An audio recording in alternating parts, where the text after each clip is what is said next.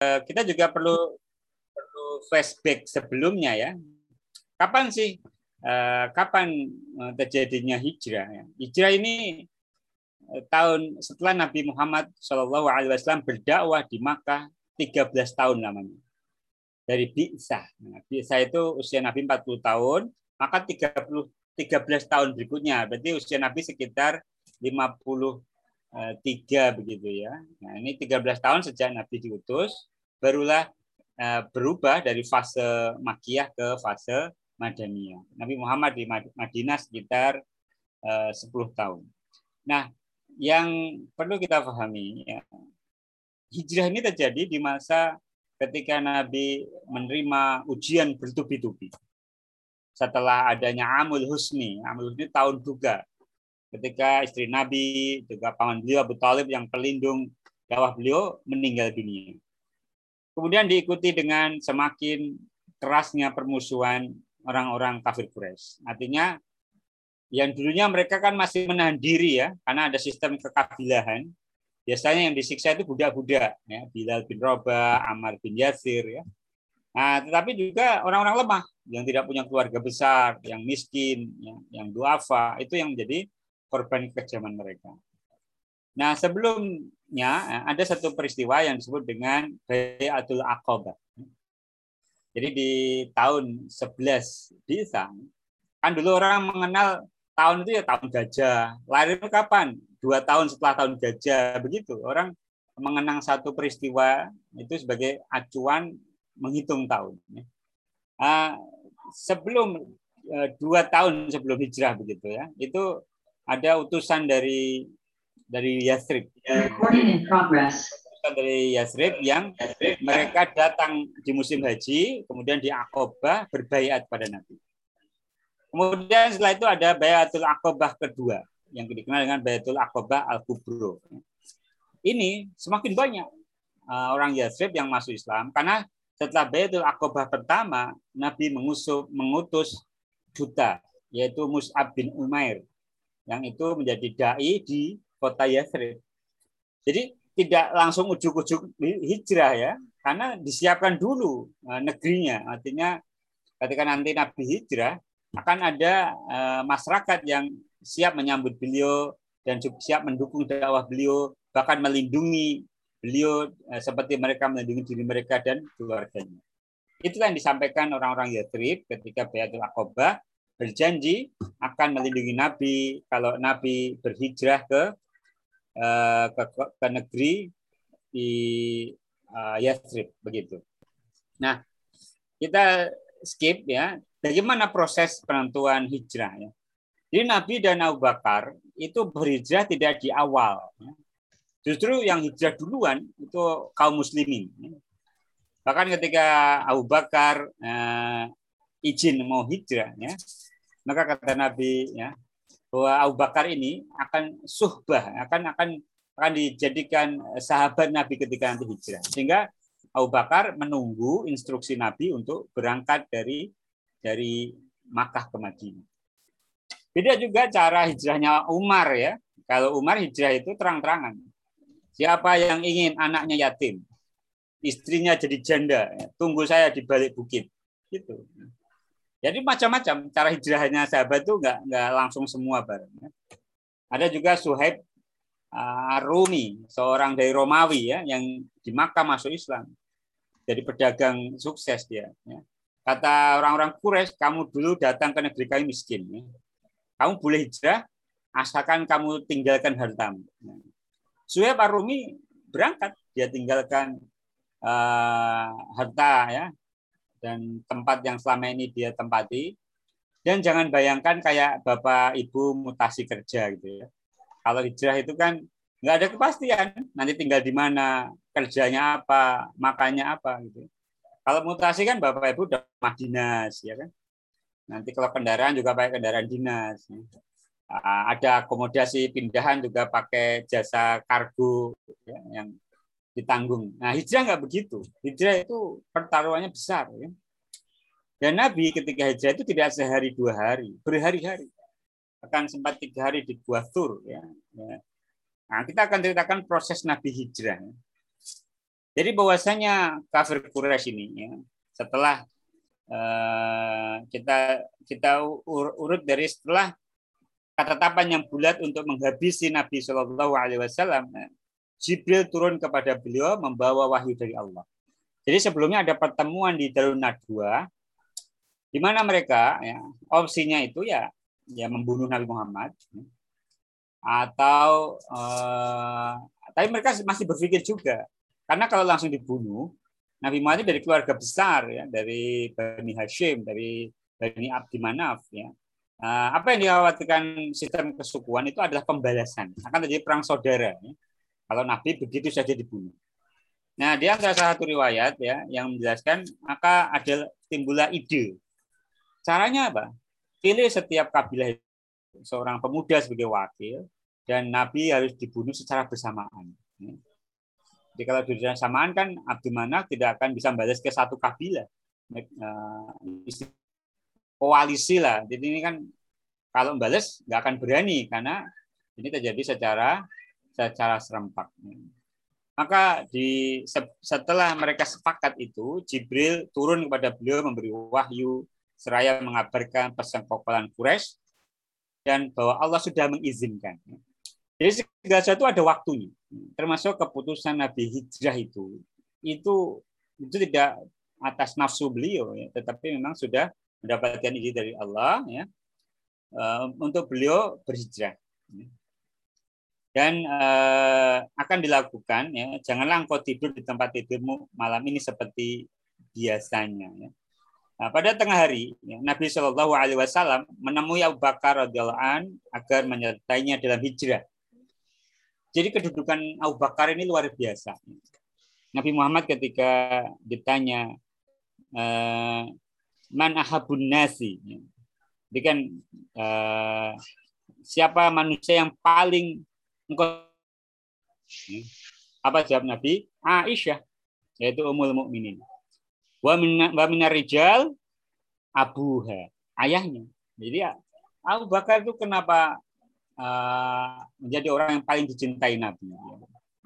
Salah satu kelebihan Abu Bakar bahwasanya Abu Bakar adalah orang pertama ya di luar Khadijah yang membelanjakan hartanya untuk dakwah. Ya. Ibarat orang itu kalau mendirikan saham perusahaan, ya, orang yang menaruh saham di awal usaha itu uh, secara saham kepemilikan itu sahamnya paling besar. Dan dakwah Islam ya itu dimulai dari Nabi kepada istri beliau, pada ponakannya Ali, pada budaknya Zaid bin Harithah dan kepada Abu Bakar As-Siddiq. Nanti Abu Bakar As-Siddiq mengajak Utsman dan beliau yang membelanjakan hartanya untuk dakwah Islam ini. Ada di antaranya ya, beliau yang membeli Bilal dari Umayyah bin Khalaf dengan harga yang sangat tinggi. Dan beliau juga yang dimaksud surat Al-Lail ya uh, atau wasodakoh bil husna. Jadi dan dia yang bersodakoh dan membenarkan dengan al husna. Al husna itu bisa kebaikan juga surga di tafsirannya. Eh, wa man atau wattaqo wasodakoh bil husna fasanu yasiruhu lil yusro. Ya. Itu di surat Ali. Nah, di antara tafsirannya itu adalah tentang Abu Bakar As-Siddiq. Dan kita lihat peran juga Abu Bakar As-Siddiq eh, ketika beliau akan berhijrah. Ya. Ya, beliau menemui Abu Bakar ya. ya. Kata Aisyah menuturkan ya, tatkala kami sedang duduk di rumah Abu Bakar pada pagi hari, tiba-tiba ada seseorang yang berkata kepada Abu Bakar, ini adalah Rasulullah yang mengenakan penutup wajah. Tidak biasanya beliau menemui kami pada saat-saat seperti ini. Abu Bakar berkata, demi ayah dan ibuku menjadi jaminannya. Demi Allah, Beliau tidak menemui pada saat-saat seperti ini kecuali ada urusan yang penting. Setelah tiba di depan rumah Abu Bakar, beliau meminta izin lalu masuk ke rumah ya, dan bersabda pada Abu Bakar, pergilah dari tempatmu ini. Ini satu kehendak yang justru bisa mengajarkan kematian. Demi ayahku menjadi jaminanmu, wahai Rasulullah. Beliau bersabda, aku sudah diizinkan pergi.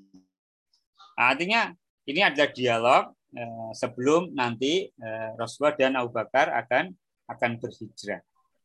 Eh, dan dilakukan di malam hari ketika sedang dikepung. Ya, Nabi keluar dari rumah beliau, kemudian nah, memerintahkan Ali bin Abi Thalib menggantikan beliau di tempat tidur beliau, menggunakan selimut beliau. Jadi ini ada aib bagi orang Arab menyerang seorang di dalam rumahnya. Apalagi disaksikan para wanita. Jadi orang-orang Arab itu itu punya nilai-nilai keperwiraan begitu ya, yang meskipun mereka jahat tetapi uh, ada hal-hal yang mereka tidak layak mereka lakukan. Tetapi mereka tetap merencanakan akan membunuh Nabi bersama-sama uh, di malam hari itu.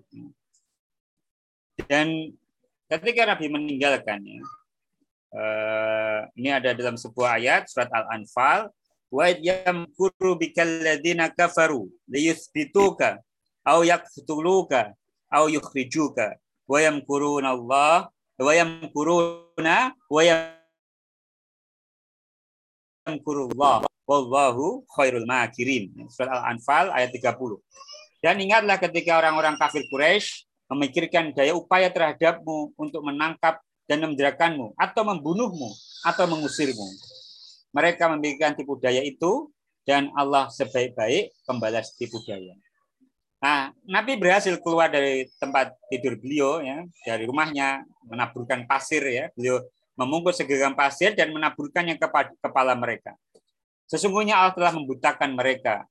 Di surat Yasin ayat 9, "Wa ja'alna min baini min baini aidihim saddaw wa min khalfihim saddan faghshaynahum fahum la yubsirun. Dan kami adakan di hadapan mereka dinding dan di belakang mereka dinding bulan dan kami tutup mata mereka sehingga mereka tidak dapat melihat. Kemudian ya mereka baru tersadar ya setelah ada yang bertanya, apa yang kalian tunggu? Muhammad jawab mereka, ya, kalian kecele demi Allah dia telah melewati sambil meninggalkan meninggalkan pasir di kepala kalian lalu dia pergi untuk keperluannya. Maka mereka cuma mendapati Ali bin Abi Thalib ya. dan Nabi Thalib dipukuli, dibawa ke Ka'bah, di, disiksa. Ya. Kemudian ditanya tapi nah, Ali hanya menjawab tidak tahu. Uh, dari rumah beliau pindah ke gua. Ya. Jadi ini rutenya harusnya ada rute utama dari Makkah ke Madinah. Ya. Tetapi Rasulullah Shallallahu Alaihi Wasallam ya itu menggunakan rute yang tidak umum. Ya. Beliau justru pergi ke arah Yaman, tidak langsung ke arah Madinah, sehingga orang-orang ketika mencari beliau itu tidak langsung ketemu. Jadi ini ada ikhtiar maksimal ya, ikhtiar. Jadi nggak seperti kita yang kadang ikhtiarnya kurang, tapi mengandalkan, nah saya tawakal saja. Gitu. Misalkan mau ujian itu ya, mau ujian nasional. Gak belajar kenapa? Saya tawakal kalau lulus lulus kalau enggak enggak gitu. Atau kenapa enggak berobat? Saya tawakal kalau sembuh sembuh kalau enggak enggak. Nah ini sikap yang tidak tepat. Nabi Muhammad Wasallam berikhtiar sampai sedemikian rupa. Kalau Allah ingin menghendaki hijrah ini bukan peristiwa yang berat, kan tinggal seperti Isra Mi'raj, dipindahkan saja dari Makkah ke Madinah dalam satu malam. Tapi Nabi Shallallahu Alaihi Wasallam, ya, karena ibadah yang sangat agung ini, ya, semua yang terlibat ini dikenang dalam sejarah Islam sebagai tokoh-tokoh penting dalam peradaban Islam. Contohnya, uh, Abu Bakar itu tidak sendirian mendukung dakwah Nabi. Beliau mengerahkan anak-anak beliau, mengerahkan budaknya, ya, mengerahkan hartanya. Ketika Nabi sedang di Gua Sur, ya, maka siapa yang menyuplai makanan. Yang menyuplai makanan adalah Asma. Jadi ketika belum jauh dari Makkah, yang menyuplai makanan adalah Asma binti Abu Bakar. Kemudian siapa yang menyuplai informasi? Bagaimana pergerakan orang Makkah mengejar beliau? Adalah putra beliau yaitu Muhammad bin Abu Bakar. Kemudian siapa yang menghapus jejak kaki eh, putra Abu Bakar dan putri beliau yaitu Amir bin Fuhaira. Ini pembantu yang dengan menggembalakan kambing, jejak kaki mereka itu hilang. Kemudian ada juga seorang uh, kafir Quraisy, ya, dibayar profesional, dibayar dua ekor onta menjadi penunjuk jalan. Ya, namanya Abdullah bin Uraikib. Ya. Jadi Bapak Ibu semua, dalam muamalah itu, ya, kalau yang penting amanah dan jujur, ya, bisa dipercaya, seorang muslim itu nggak dilarang bermuamalah dengan non muslim. Contohnya apa? Abu Bakar dan Nabi Muhammad mempekerjakan membayar Amir apa Abdullah bin Urekit menjadi penduduk jalan dalam peristiwa hijrah ini. Ini salah satu faedahnya juga. Nah, di di masa-masa seperti itu ya, ketika Nabi di dalam gua, itu bukan berarti aman. Dalam satu eh, pencari jejak itu sudah dekat. Kalau saja mereka jongkok gitu ya, mereka akan melihat Nabi dan dan Abu Bakar di dalam gua itu. Jadi jangan bayangkan gua-gua di Arab itu seperti gua di Jawa ya. Gua jadi jajar yang dalam sekali. Gua di sana itu kayak cekungan saja, cekungan batu ya. Dan memang ada mujizatnya juga ketika beliau dan Abu Bakar di dalam gua ada sarang laba-laba, ada burung bersarang di atas pintunya. Ya. Kemudian eh, banyak banyak hal yang sehingga mereka tidak tidak terkejar oleh oleh orang-orang kafir Quraisy. Tetapi ya, Abu Bakar As-Siddiq ini mengalami satu kekhawatiran, tidak hanya keselamatan dirinya. Kalau dia yang tertangkap atau terbunuh, ya, dia merasa itu itu tidak lebih besar, maksudnya beliau lebih mengkhawatirkan keselamatan Nabi. Contoh ya, ketika mau masuk ke gua, Abu Bakar itu yang pertama adalah dibersihkan semua. Ya, takut ada binatangnya, ularnya begitu. Kemudian ketika Nabi tidur di atas pangkuan Abu Bakar, ya, Abu Bakar itu digigit eh, sengatan binatang. Dan sengatan itu beliau sampai menangis karena rasa sakit. Sehingga Nabi Muhammad terbangun, kemudian diberi air ludah sehingga bisa sembuh. Ketika Abu Bakar berkata ya eh, bahwasanya mereka hanya berdua, maka Rasulullah SAW menyatakan ya eh, bagaimana eh, Allah adalah adalah yang ketiga. Bahwasanya mereka tidak berdua. Meskipun secara dohir mereka berdua tetapi sebenarnya Allah melindungi mereka berdua. Sehingga Nabi menyatakan la tahzan innallaha ma'ana. Jangan sedih ya karena Allah bersama bersama kita. Kemudian ada seorang ya dari kafir Quraisy yang namanya Surakoh, Surakoh bin Malik. Ini dia yang mendapat informasi valid tentang keberadaan Nabi Muhammad SAW. Tapi dia ingin mencari hadiah, hadiahnya 100 ekor onta. Maka dia ketika ditanya orang-orang, oh itu bukan Muhammad itu orang lain gitu. Karena dia punya target, dia yang jadi penangkapnya. Maka ketika dia mengejar ya kudanya terperosok. Ketika pokoknya setiap mendekati dia terperosok.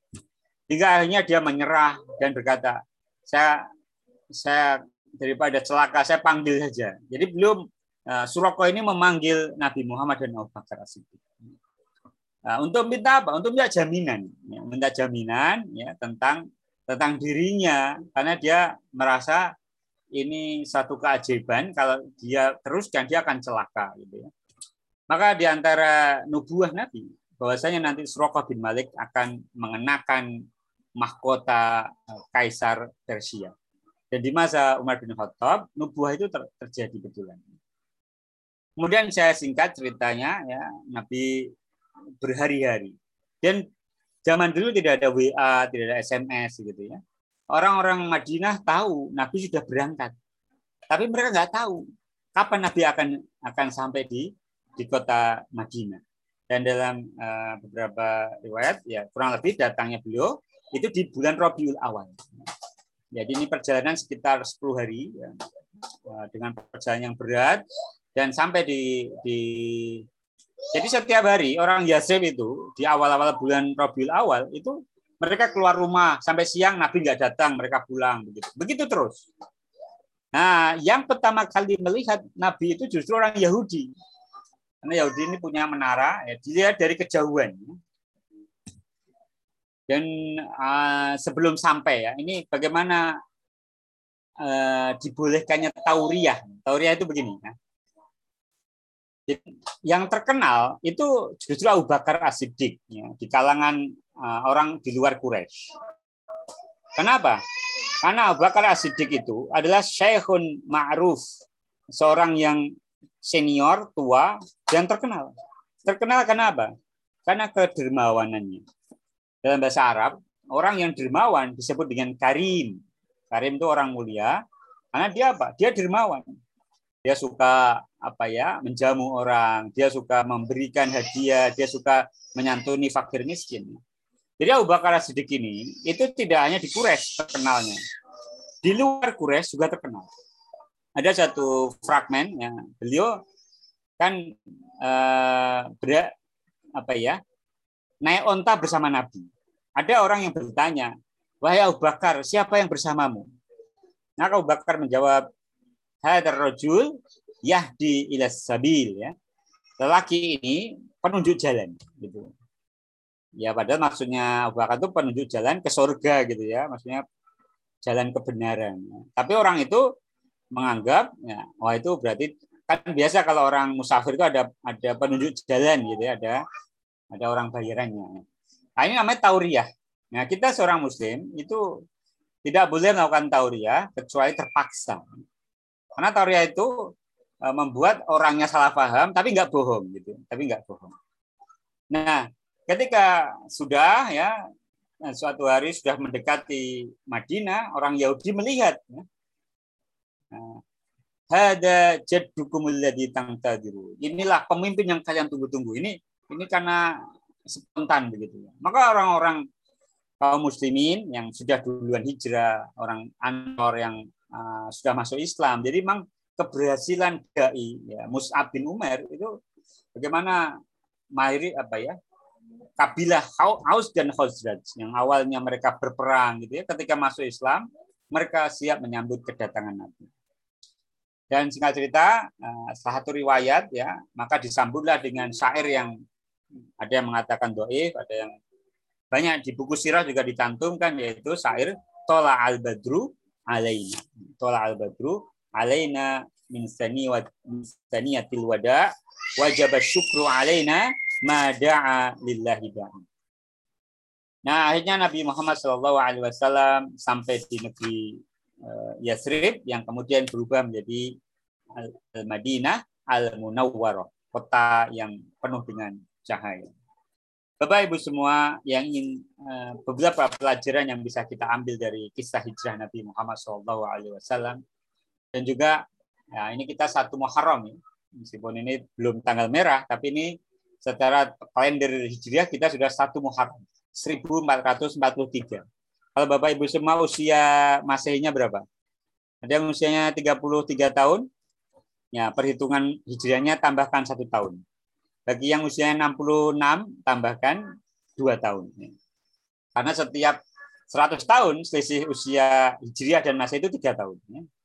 Karena satu tahunnya apa Hijriah itu Eh, lebih sedikit dibandingkan satu tahunnya Masehi. Artinya begini, ya, manusia itu ya untuk melakukan perubahan itu seringnya menunggu momen, menunggu momentum. Ya. Padahal sebenarnya ya, perubahan itu tidak harus menunggu itu. Setiap hari itu adalah lembaran baru ya yang bisa kita kita isi dengan hal yang baru yang bermanfaat. Jangan kita procrastination. Procrastination itu menunda saya mau setelah lima waktu tertib nunggu saya pensiun. Sekarang lagi sibuk kerja. Nah itu jangan. Apalagi di masa pandemi, di mana usia itu tidak terkait uh, umur ya. Jatah usia terkait umur.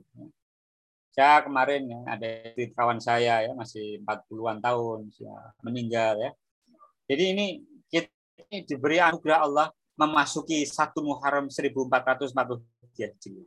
Dan tidak semua orang Indonesia itu berikan rizki masuk ke tahun ini. Maka yang bisa kita uh, ambil dari kisah Nabi Muhammad SAW, apa pun masalahnya, maka Allah yang yang menjadi pelindung kita. Mau kita berdua, Allah yang ketiga. Mau kita sendirian, Allah yang kedua. Sekarang Bapak Ibu ada yang isoman sendirian, ya keluarganya nggak ada yang mendekat.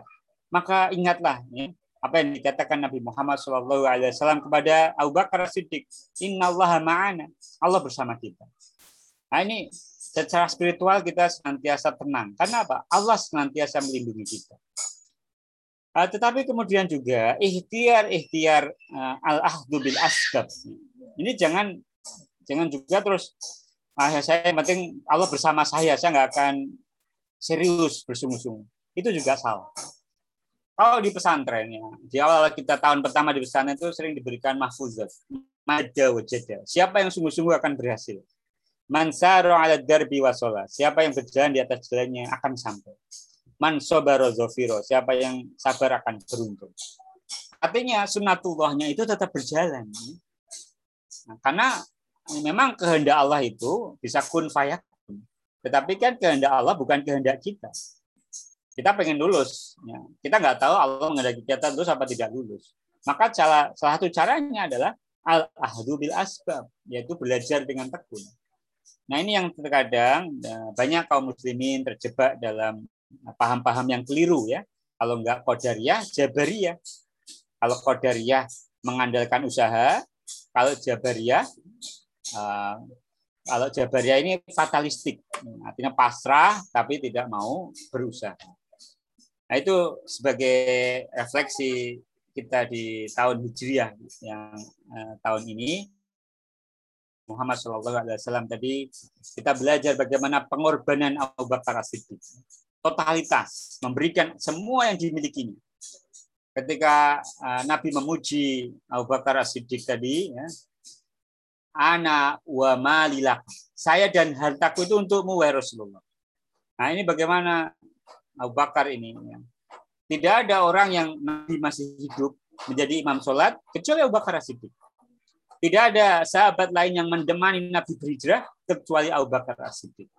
Dan tidak ada ya, satu peristiwa ketika dalam peperangan Nabi berdoa eh, di satu aris ya, satu tempat untuk memimpin pasukan dan yang menemani adalah Abu Bakar As-Siddiq. Abu Bakar As-Siddiq orang yang soleh, yang eh, pengorbanannya, ibadahnya, hartanya itu kata Nabi tidak ada yang bisa menandinginya. Aku lupa lihat ada Wassalamualaikum warahmatullahi wabarakatuh. Waalaikumsalam warahmatullahi wabarakatuh. Silakan yang mau bertanya mengenai hijrah atau hijriyah atau satu surah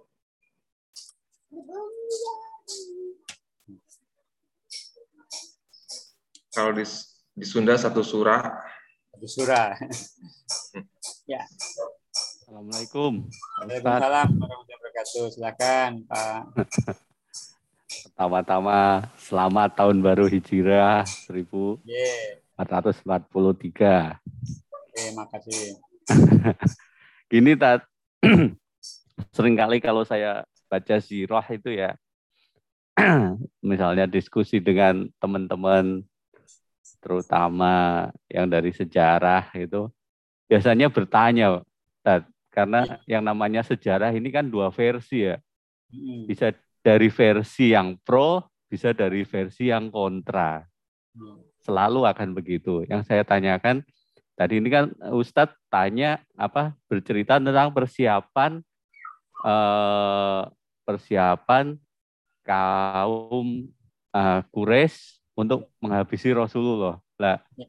berita ini dapat dari siapa mungkin gitu Tad? Oke. Okay. Pertanyaannya. Makasih. Amin. Ya, terima kasih ya. Jadi kalau kita baca sirah ya, sirah yang tentu itu sirah uh, Ibnu Hisham, Hisham. Jadi sirah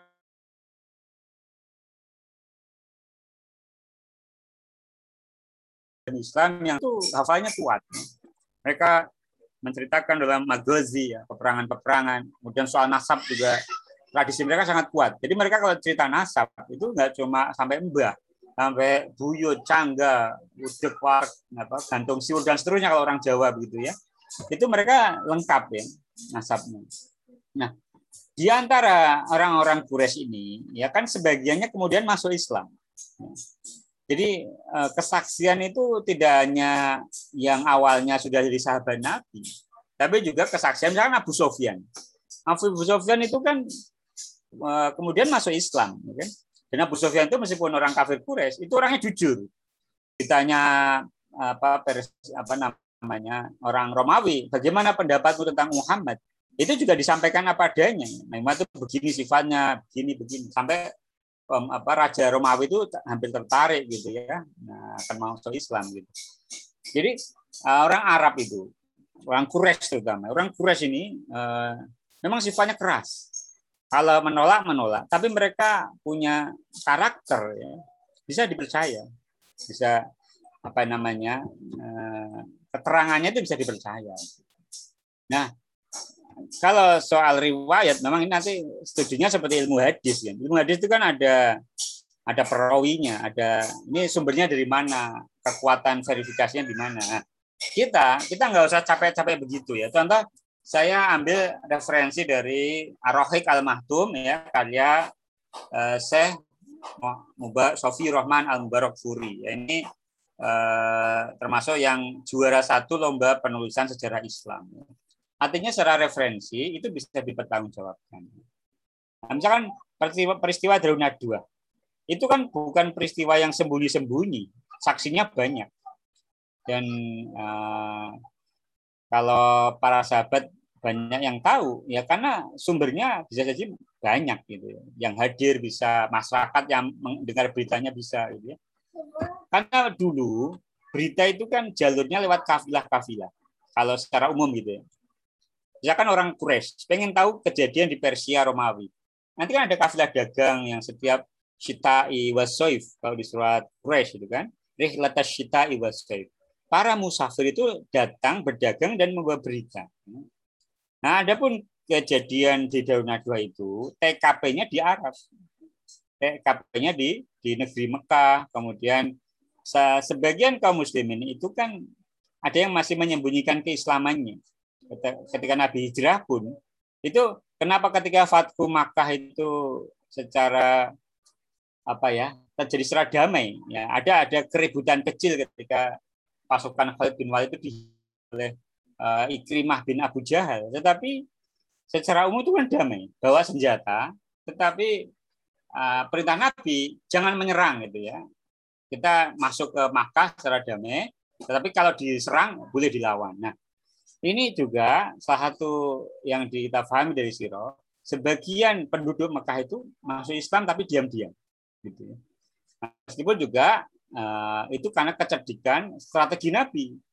Eh, rencana Fathu Makkah itu rapat, tidak ketahuan kapan kapan Nabi akan datang bersama sahabat. Sehingga ketika Abu Sufyan melihat pasukan Nabi itu udah shock gitu ya, udah uh, sudah nggak siap melawan begitu. Nah, uh, terkait rencana apa namanya penyerbuan apa namanya ke ke tempat kediaman Nabi di malam uh, Nabi hijrah itu. Nah, sini maksudnya jalur informasinya banyak pak gitu. sehingga kita bisa uh, bisa meyakini bahwa benar terjadi pertemuan di jalur Najwa ya untuk memutuskan membunuh Nabi dengan wakil dari setiap kabilah itu kan berarti setiap kabilah tahu informasi ini maka oleh para apa ahli tarikh gitu ya peristiwa itu bisa dicatat jadi urutan-urutan ya kalau kita belajar agama Islam ini kan tidak hanya belajar hukum fikih. Kita juga belajar sirah nabawiyah, kita juga belajar asbabun nuzul. Jadi ada ayat itu ada konteks peristiwanya, ya. ada asbabul khurud, ada hadis, ada sebab keluarnya hadis. Sehingga saling menguatkan begitu, Pak. Bukan yang ujuk-ujuk ada yang bercerita enggak, tapi saling berkait. Misalkan dari sekian pelaku pengempungan Nabi, ya, itu kan uh, bisa saja nanti ada yang menjadi sumber sumber referensinya.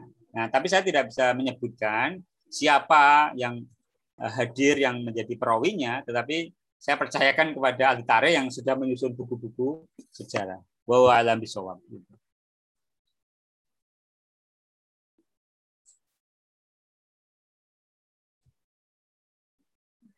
Cukup? Oh, berikutnya.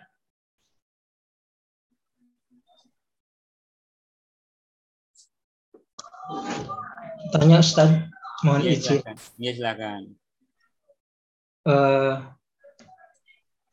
bagi saya cerita hijrah ini sangat emosional gitu ya, ya. karena merupakan sejarah yang kalau tidak dilandasi dengan keimanan jadi apa namanya ya ya kalau sulit diterima oleh orang yang uh, dilandasi dengan keimanan kepada Allah Subhanahu wa taala. Bagaimana di sana terjadi mujizat ya. Yeah. Bisa ya Rasulullah bisa mendapatkan kekuatan membuat musuhnya tertidur sehingga bisa hijrah dengan selamat seperti itu. Namun ada satu hal yang uh, membuat saya emosional begini. Bagaimana sekelas uh, Abu Bakar gitu ya dalam kondisi seperti itu secara kejiwaan mungkin uh, takut dan segala macam sehingga perlu penguatan dari Rasulullah dengan kalimat batasan inallah ma inallah ma'ana seperti itu. Dan kalimat latasan inallah ma'ana itu sering kali kita kutip apalagi dari medsos-medsos itu dijadikan status uh, ya setidak, setidaknya itu bisa menenangkan penguploadnya itu sendiri dengan dengan harapan mudah-mudahan teman-teman yang baca pun ada semacam bisa menarik hikmah bahwa kita senantiasa bersama Allah gitu tidak hanya dalam kondisi ketakutan tetapi ya Allah maha dekat jauh melebihi dekatnya urat leher kalau nggak salah seperti itu. Hmm. Nah, yang ingin saya tanyakan Ustaz, bagaimana eh, cara kita ya sebagai orang awam itu bisa merasa senantiasa ditemani oleh Allah Subhanahu wa taala dalam setiap hal sehingga eh, kita bisa mencapai derajat tertinggi sebagai orang muhsinin seperti ini. Yeah orang yang senantiasa merasa diawasi oleh Allah Subhanahu wa taala. Terima kasih Ustaz. Ya, terima kasih. Uh, saya ingin menyampaikan kalimat para sahabat ketika uh, dikepung dikepung dalam peristiwa perang Ahzab atau perang Khandaq. Apa kalimat sahabat? Hada ma wa'adanallah. Ini adalah apa yang dijanjikan Allah. Jadi para sahabat itu ketika menyikapi satu masalah, gitu, itu bukan mereka kehilangan keyakinan pada Allah, justru meningkat.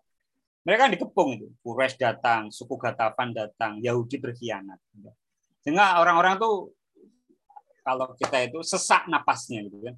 Nah, kayak orang ada tsunami, ada pandemi seperti ini, ya banyak orang speechless atau terdiam. Tetapi ketika orang beriman menghadapi masalah, maka justru kan ada ayat Allah ya. Ahasiban nasu ayutraku ayakulu amanna wa hum la Maka ketika diuji, itu adalah waktu di mana waktu Allah membuktikan janjinya. Dan itu juga waktu ujian keimanan kita. Kalau hari-hari kita damai, kita tidak ada masalah, ya alhamdulillah. Tetapi ketika datang ujian, maka itu adalah waktu-waktu di mana Allah menguji keimanan kita. Dan kita merasakan kehadirannya, dan kita merasakan cinta. Karena begini, orang kalau cinta itu selalu ingat. Bapak kalau lagi dinas luar kota, gitu ya, lagi makan enak, gitu ya, di hotel, kemudian ya, ingat anak istri. Nah itu berarti Bapak mencintai anak istri. Nah ini kan secara manusiawi begitu. Siapa nama yang sering kita sebut, ya, berarti itulah yang kita cintai. Nah maka Allah eh, dalam Al-Quran ala bidikrillahi tatma'inul qulub. Maka barang siapa eh, maka ketahuilah dengan mengingat Allah hati itu akan menjadi tenang. Ala bidikrillahi tatma'inul qulub. Maka kalau ingin merasakan eh, satu ketenangan ya, maka kita sering mengingat Allah. Ya minimal sholat lima waktu dijaga. Itu kan berarti kita setiap sholat kan ingat Allah. Masa sholat ingat yang lain itu kan Allahu Akbar itu kan mesti menyebut nama dan setelah saya mengingat. Kalau ingin lebih tambahkan ya, sering berzikir, ya, sering berwirid itu ya. Nah, itu wirid khofi kan bisa. Kita lihat apa, Masya Allah. Lihat apa, Alhamdulillah. Ada peristiwa apa, innalillahi wa inna ilaihi Orang Islam itu dibekali seperti itu. Termasuk mengingat Nabi. Kalau sholat itu kita eh, mengingat Allah. Nah, sholawat itu juga seperti kalau kita ingin mendekati seseorang. Maka caranya adalah mendekati orang yang terdekat dari orang itu. Contoh gini. Nah, mungkin dulu waktu masih muda gitu ya, punya inceran, calon istri atau calon suami. Maka agar bisa dapat orangnya, kita mendekati dulu temannya, gitu kan. Mendekati orang yang dicintainya. Kita dekati ayahnya, kita dekati ibunya, gitu kan. Karena kalau seseorang mencintai ayah ibunya, ayah ibunya cinta sama kita, wah ini calon menantu ini. Nah, kita kalau ngelamar diterima gitu. Nah, begitu juga Allah kan kita di salah satu di antara ada berdoa itu kan bersolawat dulu pada Nabi. Karena Nabi ini adalah yang Allah cintai. Maka di masa-masa pandemi, di masa-masa sulit lah, tidak hanya pandemi, banyak-banyak bersolawat itu juga selain memberikan ketenangan, itu juga akan memberikan solusi atas masalah kita. Jadi selain banyak sholat, juga perbanyak sholawat. Maka kita akan merasakan termasuk membaca sirah nabawiyah itu ya. kita tahu dulu nabi itu nggak mudah ya uh, apa ya berdakwah itu nggak mudah artinya nggak nggak langsung ujuk-ujuk gitu ya langsung menang gitu enggak ada berdarahnya ada kehilangannya bayangkan nabi itu kehilangan orang-orang dicintai loh istrinya anak-anaknya pamannya ya. bahkan ketika nabi hidup ya. ketika nabi hidup itu yang yang tersisa tinggal Fatimah yang lain sudah meninggal. Ya. Khadijah sudah meninggal ya. Saya istri-istri beliau yang lain memang masih hidup ya Aisyah. Tapi orang-orang yang beliau cintai, ya, anak-anak beliau itu meninggal sebelum Nabi meninggal. Dan Fatimah tidak lama kemudian menyusul Nabi Shallallahu Alaihi Wasallam. Jadi orang uh, ahabba syai'an aksara Siapa yang mencintai sesuatu akan banyak menyebut. Ya banyak menyebutnya banyak. Orang cinta Korea itu nanti akan banyak nyebut artis Korea. Ya kalau cuma sekedar apa namanya sebagai selingan yang khawatir kan masuk ke kecintaan yang terlalu dalam. Yang khawatir terlalu terlalu dalam cintanya gitu nah, nah ini juga perlu di, dikontrol gitu ya. Oh alam bisawab yang jelas dari sisi bagaimana membangun kedekatan ya tentu kita Eh, secara usaha-usaha manusiawi ya kita banyak menyebut, kita banyak mengingat ya. Adapun khilaf dan sebagainya ya itu manusiawi. Manusia diberikan rasa takut, rasa marah, rasa sedih. Itu tidak untuk dinafikan. Tetapi itu adalah bentuk ujian dan bentuk bahwa kita ini lemah gitu ya. Jangan terlalu sok kuat ya. Ada ini cerita menarik ya. Teman saya itu sebelum operasi dibilang sama dokter, Pak jangan stres ya Pak, Enggak, saya enggak stres, saya enggak stres itu ya. Tapi dicek tensinya, tensinya naik itu, Pak. Berarti dia stres gitu. Kan banyak orang gitu, saya enggak takut, saya berani. Ya. Dicek intinya tekanan darahnya gitu kan, dicek denyut nadinya. Itu kadang karena ada dalam diri kita yang tidak ada dalam sepenuhnya kontrol kita. Ya. Maka dalam sebuah hadis ya ah, ada doa yang diberikan wala takilni ila nafsi tarfata. Jangan kau serahkan diriku pada diriku sendiri ini sekejap mata pun. Kita selalu berharap hidayah. Ilmu bisa dipelajari, Pak. Informasi bisa kita kuasai, tapi hidayah tidak. Hidayah itu harus selalu kita minta. Nah, kita minta setiap sholat, kita minta setiap saat. Karena apa? Tidak ada satupun yang bisa mengklaim hidayah. Bahwa alam suara.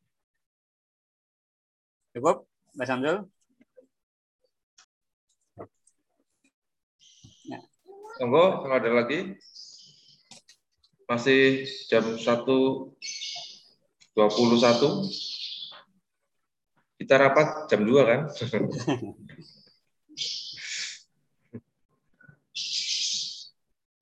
Kalau nggak ada, cukup ya? Ya, cukup Pak Ustaz. Ya, kita akhiri. Ya. Kita baca Al-Fatihah. A'udzubillahi minasyaitonir Bismillahirrahmanirrahim. Alhamdulillahirabbil alamin arrahmanir rahim maliki yaumiddin iyyaka na'budu wa iyyaka nasta'in ihdinas siratal mustaqim Siratal ladzina an'amta 'alaihim ghairil maghdubi 'alaihim waladdallin. Allahumma shalli ala nabiyyina Muhammad wa ala alihi wa ashabihi ajma'in. Rabbana dhalamna anfusana wa lam taghfir lana wa tarhamna lanakunanna minal khasirin. Rabbana a'inna ala dzikrina ala ala dzikrika wa, wa syukrika wa husni ibadatika. Au ma'ina ala dzikrika wa syukrika wa husni ibadatika.